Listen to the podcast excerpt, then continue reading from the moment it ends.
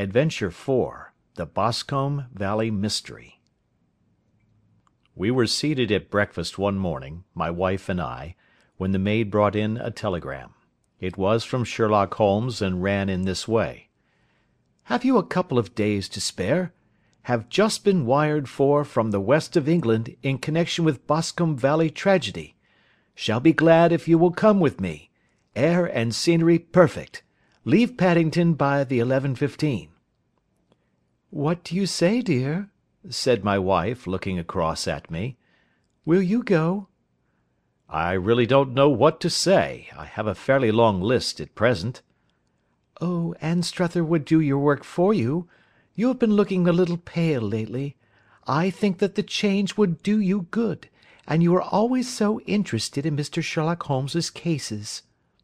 "I should be ungrateful if I were not, seeing what I gain through one of them," I answered. "But if I am to go, I must pack at once, for I have only half an hour."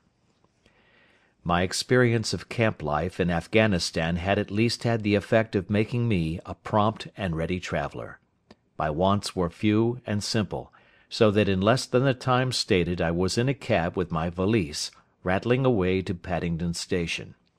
Sherlock Holmes was pacing up and down the platform, his tall, gaunt figure made even gaunter and taller by his long grey travelling cloak and close fitting cloth cap. "It is really very good of you to come, Watson," said he. "It makes a considerable difference to me, having someone with me on whom I can thoroughly rely. Local aid is always either worthless or else biased. If you will keep the two corner seats, I shall get the tickets." We had the carriage to ourselves, save for an immense litter of papers which Holmes had brought with him. Among these he rummaged and read, with intervals of note taking and of meditation, until we were past Reading. Then he suddenly rolled them all into a gigantic ball and tossed them up on to the rack.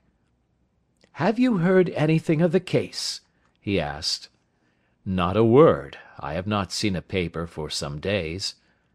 "The London press has not had very full accounts. I have just been looking through all the recent papers in order to master the particulars. It seems, from what I gather, to be one of those simple cases which are so extremely difficult." "That sounds a little paradoxical." "But it is profoundly true. Singularity is almost invariably a clue. The more featureless and commonplace a crime is, the more difficult it is to bring it home. In this case, however, they have established a very serious case against the son of the murdered man. "It is a murder, then?" "Well, it is conjectured to be so. I shall take nothing for granted until I have the opportunity of looking personally into it. I will explain the state of things to you, as far as I have been able to understand it, in a very few words. Boscombe Valley is a country district not very far from Ross, in Herefordshire. The largest landed proprietor in that part is a Mr. John Turner who made his money in Australia, and returned some years ago to the old country. One of the farms which he held, that of Hatherley, was let to Mr. Charles McCarthy, who was also an ex Australian. The men had known each other in the colonies, so that it was not unnatural that when they came to settle down they should do so as near each other as possible. Turner was apparently the richer man, so McCarthy became his tenant but still remained, it seems, upon terms of perfect equality, as they were frequently together. McCarthy had one son, a lad of eighteen, and Turner had an only daughter of the same age, but neither of them had wives living. They appeared to have avoided the society of the neighbouring English families and to have led retired lives, though both the McCarthys were fond of sport, and were frequently seen at the race meetings of the neighbourhood. McCarthy kept two servants, a man and a girl. Turner had a considerable household, some half dozen at the least. That is as much as I have been able to gather about the families. Now for the facts.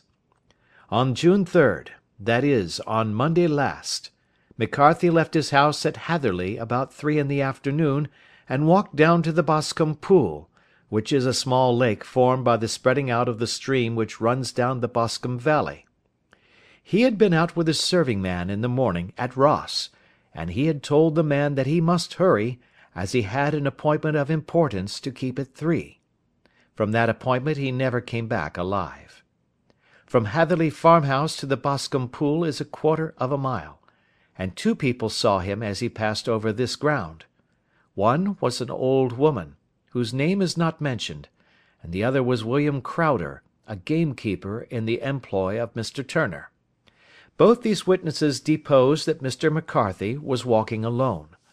The gamekeeper adds that within a few minutes of his seeing McCarthy pass he had seen his son, Mr. James McCarthy, going the same way with a gun under his arm. To the best of his belief the father was actually in sight at the time, and the son was following him. He thought no more of the matter until he heard in the evening of the tragedy that had occurred. The two McCarthys were seen after the time when William Crowder, the gamekeeper, lost sight of them. The Boscombe Pool is thickly wooded round, with just a fringe of grass and of reeds around the edge. A girl of fourteen, Patience Moran, who is the daughter of the lodge keeper of the Boscombe Valley estate, was in one of the woods, picking flowers. She states that while she was there she saw, at the border of the wood, and close by the lake, Mr. McCarthy and his son, and that they appeared to be having a violent quarrel. She heard Mr. McCarthy the elder using very strong language to his son, and she saw the latter raise up his hand as if to strike his father. She was so frightened by their violence that she ran away and told her mother, when she reached home, that she had left the two McCarthys quarrelling near Boscombe Pool, and that she was afraid that they were going to fight. She had hardly said the words when young Mr. McCarthy came running up to the lodge, to say that he had found his father dead in the wood, and to ask for the help of the lodge keeper.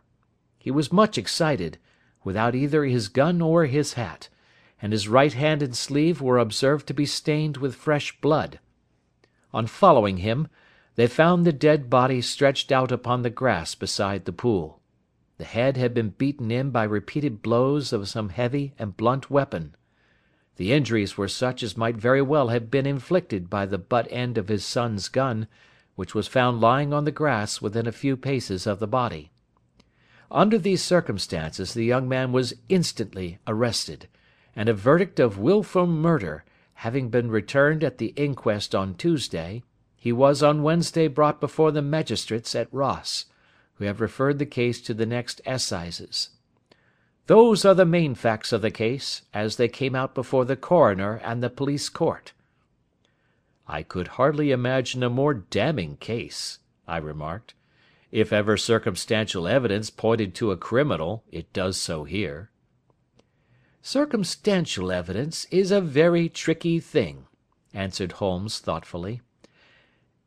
"It may seem to point very straight to one thing, but if you shift your own point of view a little you will find it pointing in an equally uncompromising manner to something entirely different.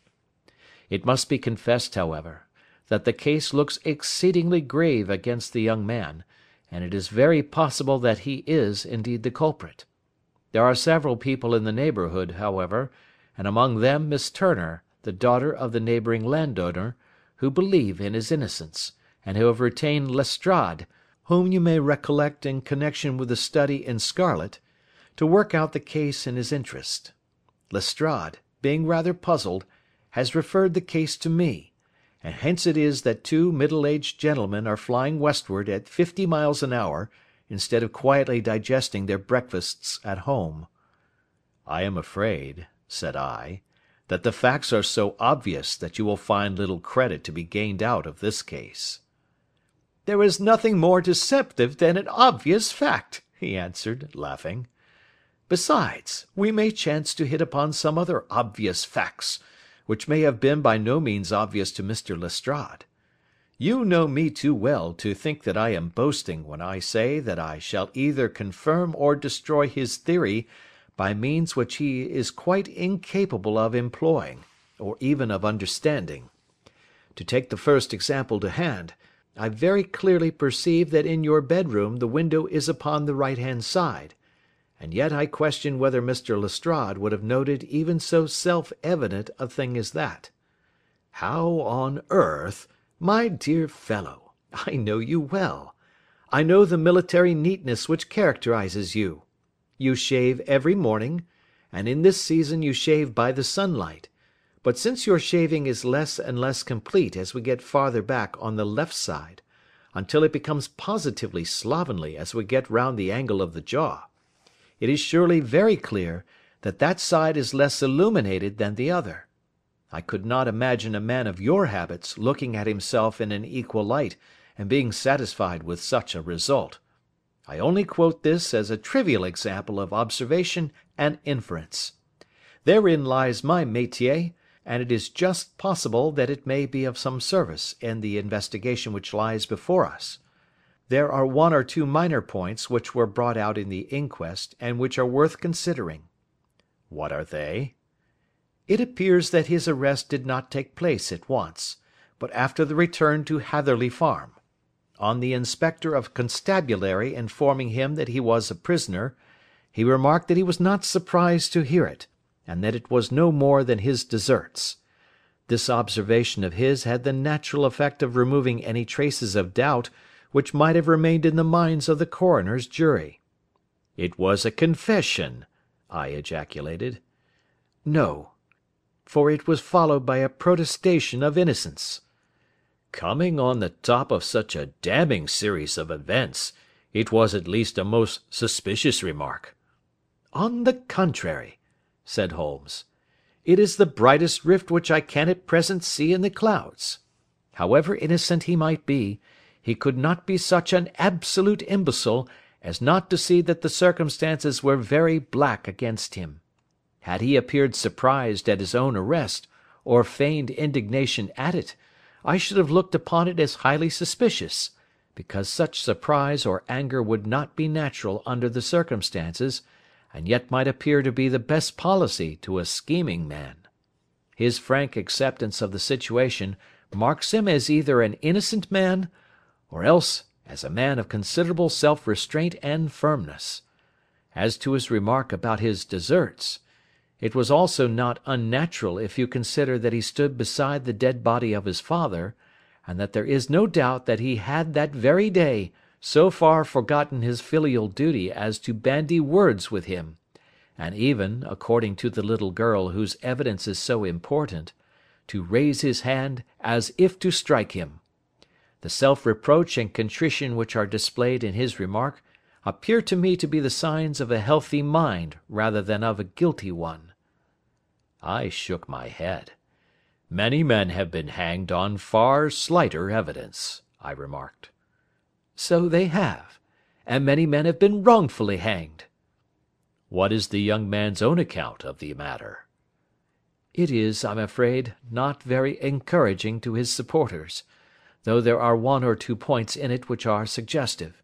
You will find it here, and may read it for yourself."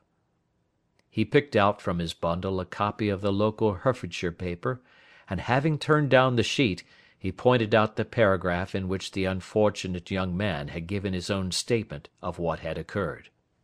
I settled myself down in the corner of the carriage, and read it very carefully. It ran in this way: "Mr. James McCarthy the only son of the deceased, was then called and gave evidence as follows: I had been away from home for three days at Bristol, and had only just returned upon the morning of last Monday, the 3rd. My father was absent from home at the time of my arrival, and I was informed by the maid that he had driven over to Ross with John Cobb, the groom. Shortly after my return I heard the wheels of his trap in the yard, and looking out of my window, I saw him get out and walk rapidly out of the yard, though I was not aware in which direction he was going.